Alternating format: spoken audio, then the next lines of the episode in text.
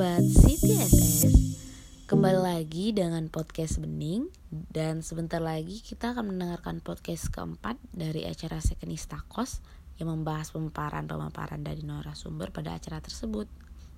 Kali ini materinya oleh Ibu Maria Loreta yang berjudul Benih Sumber Kehidupan, Sorghum Bergizi, Sorghum Berduit dan akan diulas kembali oleh salah satu kepala divisi CTSS yaitu Bapak Surya Dharma Tarigan. Silakan Bapak. Pada podcast kali ini Ibu Maria Loreta dari Larantuka, Flores Nusa Tenggara Timur mengulas tanaman sorghum. Tanaman sorghum adalah sejenis tanaman serealia yang dapat digunakan sebagai substitusi tanaman padi. Ibu Maria mengulas tanaman sorghum dari berbagai segi, khususnya dari sisi kearifan lokal, kemudian eh, juga dari segi budidaya tanaman sorghum mulai dari bank benih, kemudian manfaat, potensi dan tantangan budidaya sorghum di Nusa Tenggara Timur. Podcast yang dibuat oleh CTSS ini bekerja sama dengan Ibu Maria Loreta dari sisi kegiatan yang dilakukan Bu Maria, ada aspek keberlanjutan. Aspek keberlanjutan ini merupakan domain dari pusat CTSS. Pada podcast ini, ketika Ibu Maria Loreta menjelaskan terkait budidaya sorghum, khususnya terkait pengembangan benih sorghum, kita bisa melihat nilai-nilai keberlanjutan. Pertama, dari sisi penggunaan kearifan lokal. Yang kedua, dari sisi budidaya tanaman sorghum sesuai dengan zona agroekologi di Nusa Tenggara Timur. Nah, dari sisi menggunakan kearifan lokal di dalam pengembangan benih maupun budidaya sorghum, kita uh, bisa melihat sisi keberlanjutan di mana kearifan lokal pada satu daerah ini meningkatkan keberlanjutan sebuah inovasi maupun sebuah teknologi yang diterapkan dalam budidaya sorghum ini. Kearifan lokal berarti memperhatikan kondisi iklim setempat, budaya setempat, dan jika ini diterapkan pada budidaya sorghum, maka kita yakin bahwa budidaya sorghum ini mempunyai nilai-nilai keberlanjutan. Sedangkan dari sisi agroekologi uh, sudah bisa dilihat langsung bahwa pengembangan budidaya sorghum di NTT ini mempunyai nilai keberlanjutan yang sangat tinggi. Seperti kita ketahui, Nusa Tenggara Timur adalah daerah yang kering ya, di sebelah timur Indonesia. Curah hujan eh, kecil ya, kurang dari 1000 mm per tahun. Dan budidaya sereal yang lain seperti padi, yang dibudidayakan di Jawa umumnya itu sudah tentu tidak sesuai dibudidayakan di sana. Nah, sorghum ini e, terlihat dari penjelasan Bu Maria ini lebih tahan terhadap kekeringan sehingga ini merupakan suatu tanaman yang sesuai dengan agroekologi dan sudah pasti keberlanjutannya pun akan e, sangat tinggi. Jadi e, dari sisi keberlanjutan penerapan kearifan lokal di dalam pengembangan benih maupun budidaya sorghum serta kesesuaian budidaya sorghum untuk lahan kering di Nusa Tenggara Timur merupakan dua sisi keberlanjutan yang bisa kita jadikan sebuah pelajaran ya, untuk meningkatkan budidaya pertanian di sebuah di suatu wilayah. Kedua aspek ini perlu diperhatikan. Nah, eh, selain itu eh, juga kalau kita lihat dari sisi biodiversitas ataupun keanekaragaman hayati, apa yang dilakukan oleh Ibu Maria ini sangat mendukung dari sisi keanekaragaman hayati. Seperti kita ketahui, keanekaragaman hayati itu ada tiga tingkat ya keanekaragaman hayati dari sisi daripada tingkat gen ya kemudian keanekaragaman hayati dari dalam tingkat spesies yang ketiga keanekaragaman hayati dalam tingkat ekosistem. Nah, apa yang dilakukan Ibu Maria beserta dengan petani yang ada di Nusa Tenggara Timur ini meningkatkan biodiversitas tanaman pangan dalam tingkat spesies. Jadi eh, tanaman pangan yang dibudidayakan tidak hanya dari satu jenis tanaman serialia saja padi ataupun jagung, tapi juga ada spesies yang sangat potensial ini sorghum. Nah, kita dengarkan selanjutnya presentasi dari Ibu Maria Loretta. Good afternoon, everyone. Saya mencoba untuk uh, berbahasa Inggris sedikit dan bahasa Indonesia. I am Maria Loretta from Larantuka Diocese Social Economic Foundation. I am a farmer and leader of sorghum uh, farmer uh, movement. I am currently I am living in East Flores, Adonara Island, East Nusa Tenggara. Uh, saya akan saya mohon di, dipandu untuk presentation saya.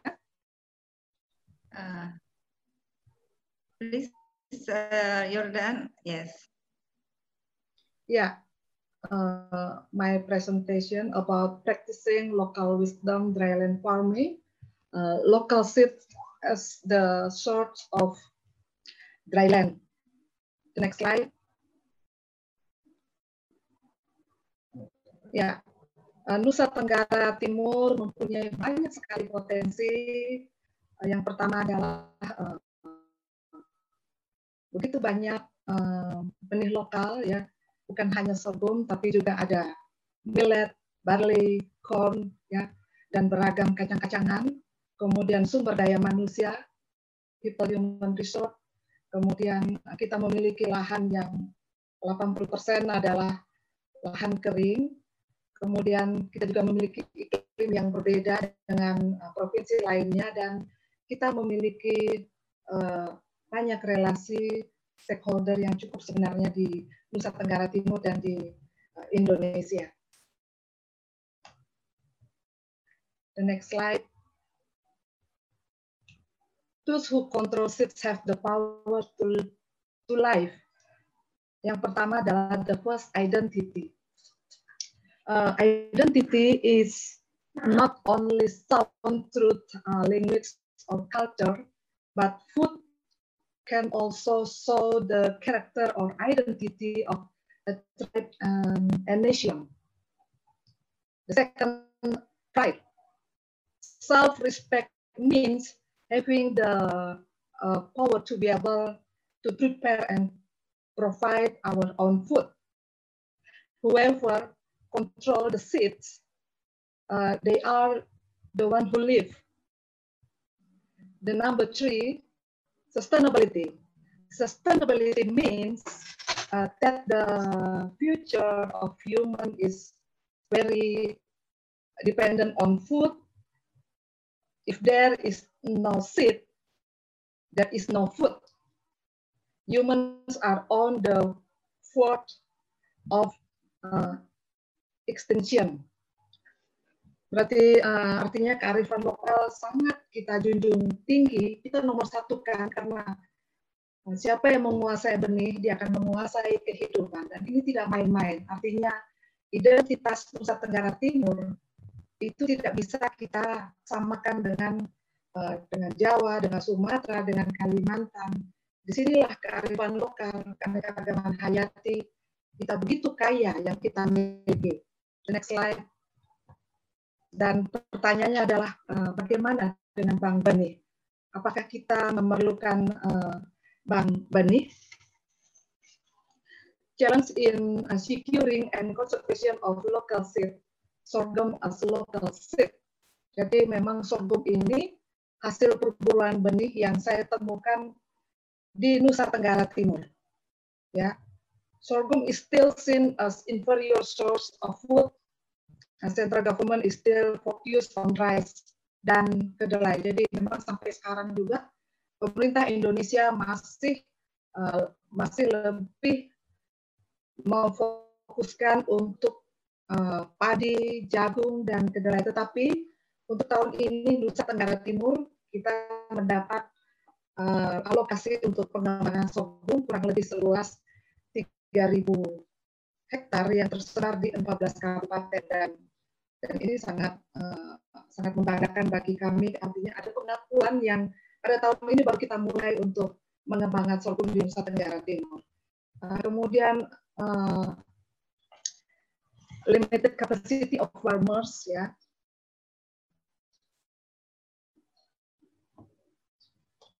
In producing seeds and grain, there are very minimal facilities for seed storage. Jadi memang kita sangat minim sekali untuk tempat bagaimana kita mengawetkan benih. Nah, tetapi uh, menurut saya petani tidak perlu mempunyai kulkas karena memang situasi kondisi kita ya seperti kita nggak punya gudang khusus, kita tidak punya kulkas khusus seperti dan tidak usah menurut saya. Intinya adalah bagaimana kami terus menanam dengan menanam untuk melestarikan benih-benih ini. There are very minimal facilities for seed storage uh, which affects the seed breeder farmers capacity in producing sorghum. Masih sangat sedikit sekali petani-petani yang mampu menangkarkan benih, yang mempunyai kapasitas.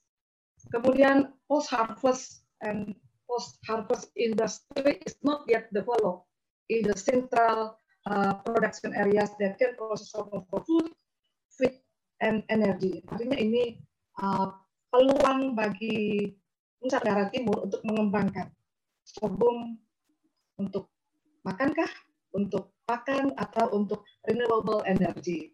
Ini sangat penting sekali kita memikirkan mulai sekarang renewable energy. Ya, karena beberapa jenis uh, uh, variety sorghum yang kami miliki itu dia ada yang memang kemampuannya bisa menghasilkan uh, alkohol ya dengan gula Brix yang sangat tinggi yaitu 20.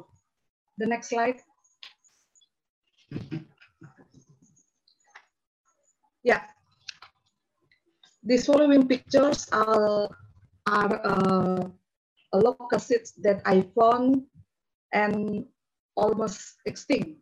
Jadi ini uh, sorghum atau benih pertama yang saya temukan di Desa Novo Village ya, Watok Blolongnya from Novo Village from Ilimbra District is Flores. Jadi dari kabupaten kami sendiri. Kemudian uh, mesah hitam yang saya temukan itu di Desa Siru ya, Kecamatan Lembur, Kabupaten Manggarai Barat. Jadi Anda bisa lihat begitu cantiknya sorghum ini. The next slide.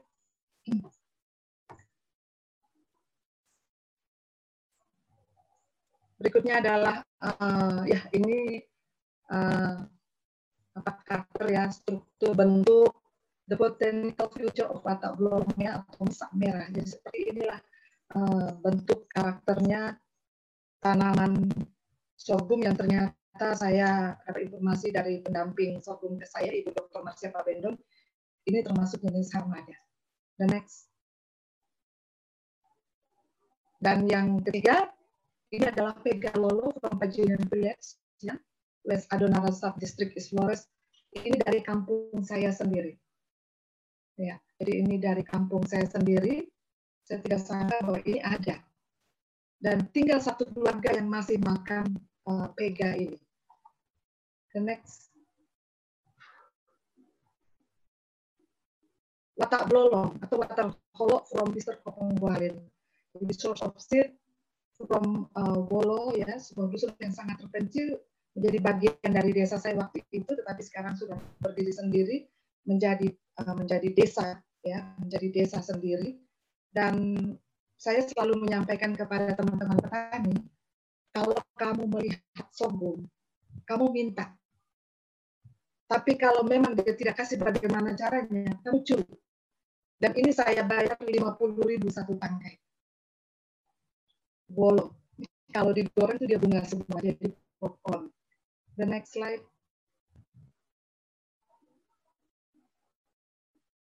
Nah, ini uh, beragam sorghum yang saya temukan. Yang paling kiri ini White Otan 2011. Kemudian Bolo Lolong 2011 juga. And then uh, Lepang Worujoru ini dalam istilah ND ya, ND pada tahun 2014. Next. Ini millet jewawut dan ini sangat terpelihara di di lahan-lahan kering. Jadi di Flores itu di Nusa Tenggara Timur orang bukan hanya menanam padi dan jagung, tetapi ketika musim tanam mereka juga masih melestarikan menanam jewawut, menanam sorghum, menanam gali, menanam kacang-kacangan. Jadi keanekaragaman hayati sampai saat ini masih terjaga untuk di daerah-daerah yang memang jauh dari pelayanan pemerintah. Next slide. Nah ini Wataru Hamu yang sudah menjadi varietas nasional super satu. Ini saya temukan di uh, Desa Hambuang di Sumba Timur batangnya manis sekali termasuk sweet sorghum dengan gula brix yang 20 peluang untuk renewable energy ya. Dan ini perlu dipikirkan oleh kita sekarang. Jadi kita nggak bisa main-main ini bicara soal energi. Ya lanjut. Nah why? Why sorghum? Kenapa bukan jagung? Kenapa bukan padi?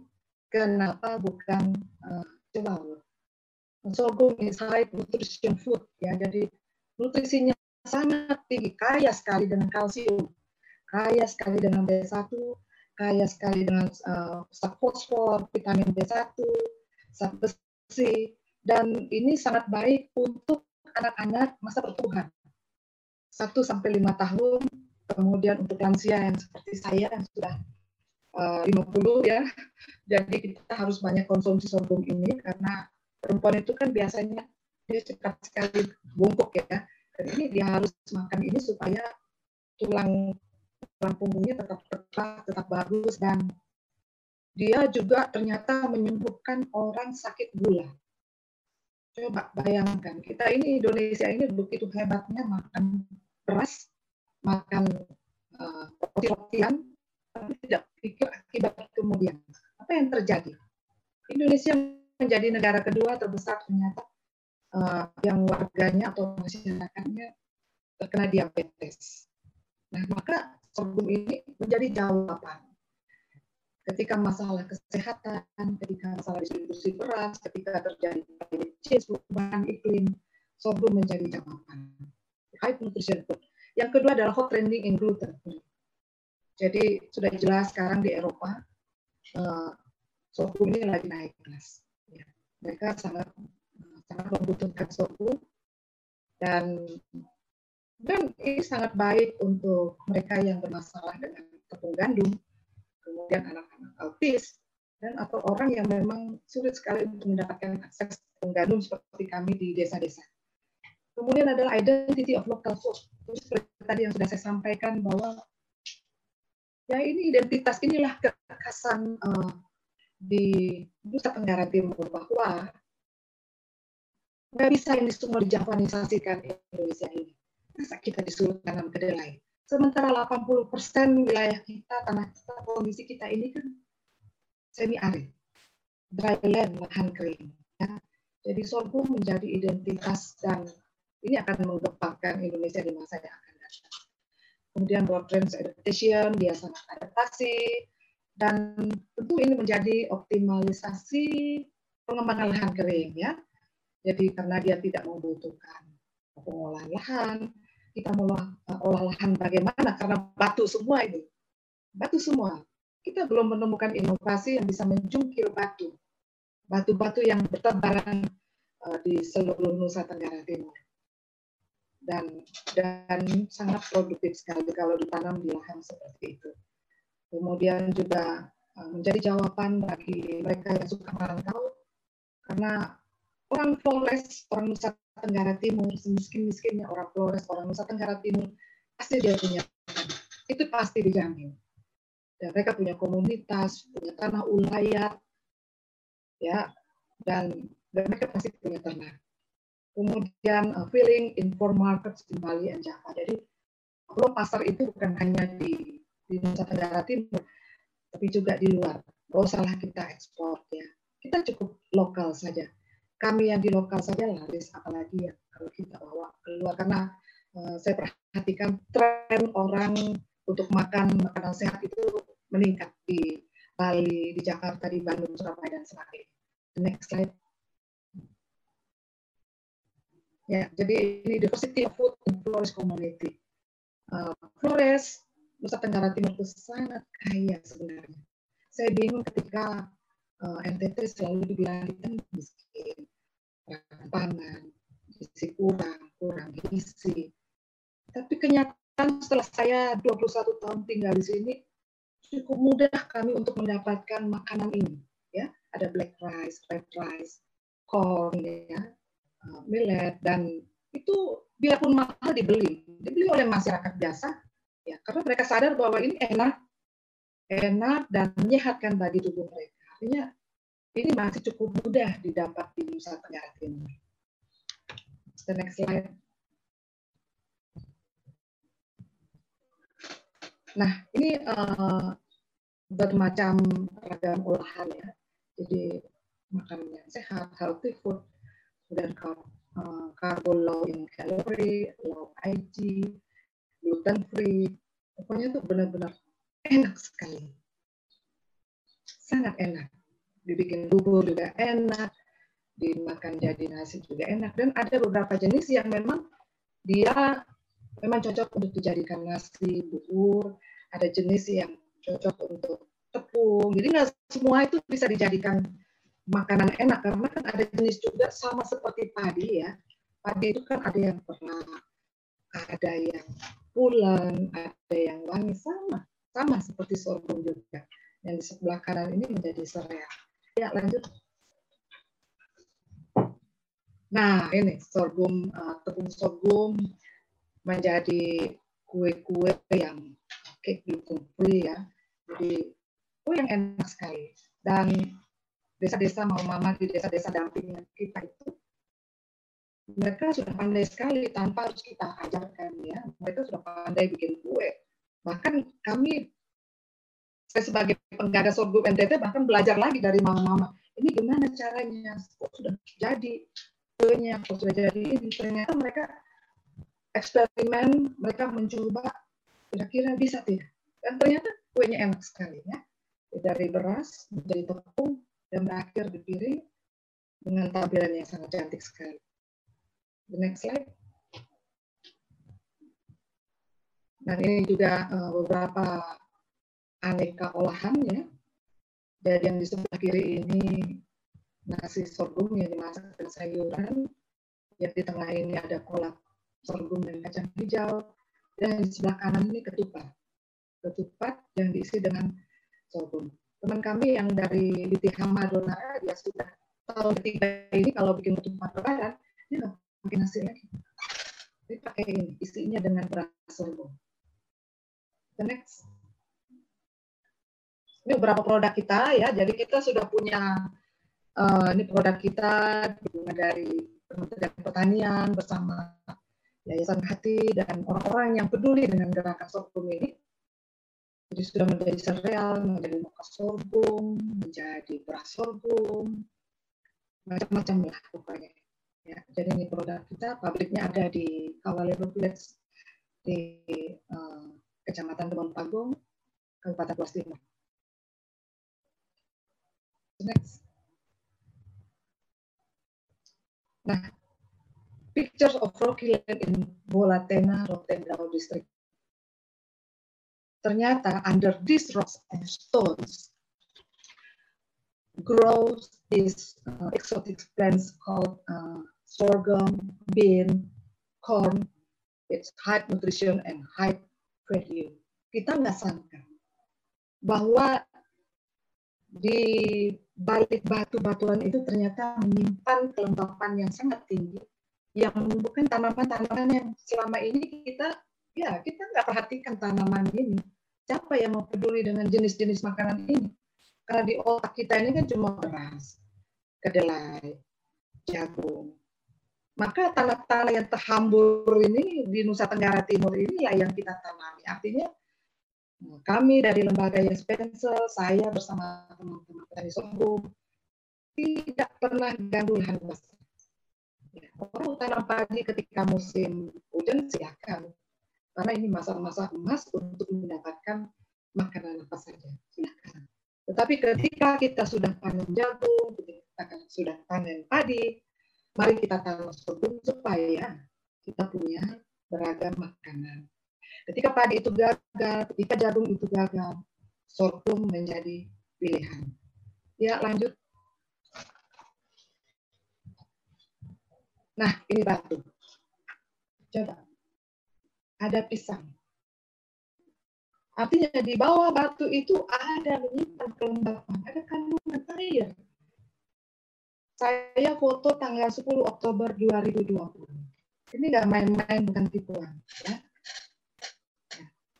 kalau kita kembali lagi pemerintah, peneliti, anak pertanian hanya berpikir Jawa sentris, aku kepingin NTT seperti tanah di Jawa. Kasihan. Ya, kasihan. Artinya yang di atas semesta sudah memberi kita seperti ini kondisinya. Dan kenyataannya memang jagungnya tumbuh bagus, sorghumnya bagus sekali, di ladang yang memang dia beradaptasi tidak bagus sekali. Ya, artinya ini uh, menjadi jawaban ketika masalah lapar, masalah namanya orang kehabisan ide mau makan apa, kemudian perubahan iklim, serangan hama. Nah, ini kan menyimpan misteri bagaimana kita mengangkat arkan lokal ini menjadi sesuatu yang kita hormati ya barang bernyawa tapi ternyata dia mau tuh. Lanjut. Nah, ini ini uh, ladang sorghum ya. Sorghum di Botujun Kampung di Desa Kawalelo. Anda bisa lihat sendiri begitu cantiknya. Lanjut ke next slide. Nah ini uh, ini kebun dari direktur kami, artinya kami wajib punya sorghum sendiri. Saya nggak bisa hanya ngomong doang, nggak bisa. Jadi saya juga bekerja bersama petani. Bahkan kita sudah bersaing.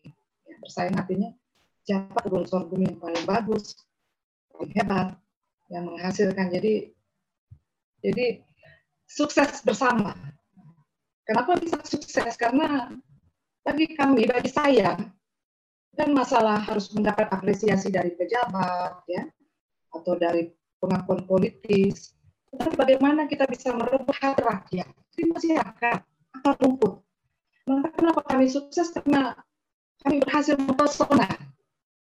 Mempesona hati rakyat, hati masyarakat yang sangat membutuhkan uh, membutuhkan hati, perhatian. Apa? Perhatiannya, perhatian ini lewat sorghum ternyata. Jadi ini adalah keberhasilan bersama.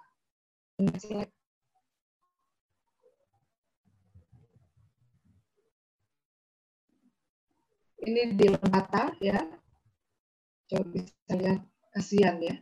Tanah yang selama ini menganggur bertahun-tahun di bawahnya batu atau berpasir nggak diapa-apain. Ternyata setelah ditumbuhi, ditanami, ditumbuhi, ya cantik. Bahkan ini bisa menjadi destinasi wisata.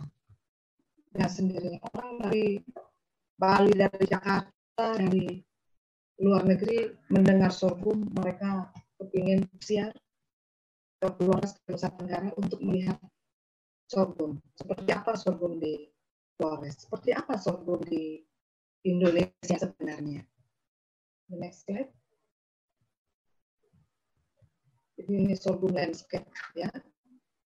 Jadi dia di pinggir pantai, waktu para ya memang beberapa teman-teman menyampaikan apakah ini tidak mengganggu vegetasi tanah tidak karena kontur tanahnya berbeda dengan longsor yang di Jawa.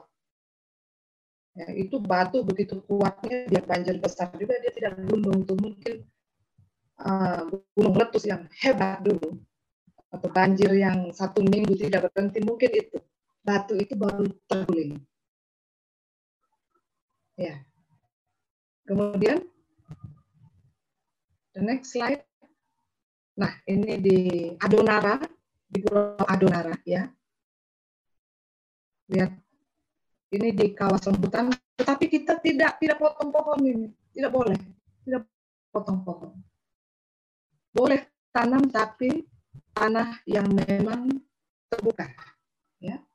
Hutan tidak boleh tebang hanya karena untuk misalnya buka food estate dengan sengaja tahu dan mau dengan alasan kita kekurangan makanan. Oh, tidak boleh saya selalu bilang sama teman-teman petani, buka yang memang lahan terbuka. Jangan ganggu hutan. Ya. Jadi hutan tetap selamat, kita juga dapat makanan. Lain itu seperti disebutkan oleh Bu Maria pada podcast ini, tanam tanaman sorghum ini selain sesuai di lahan kering juga produksi ataupun uh, biji sorghum ini mempunyai nilai kandungan gizi yang tinggi seperti kalsium, vitamin B, dan itu sangat mendukung peningkatan kesehatan masyarakat yang jauh uh, dari perkotaan seperti di daerah-daerah di Flores.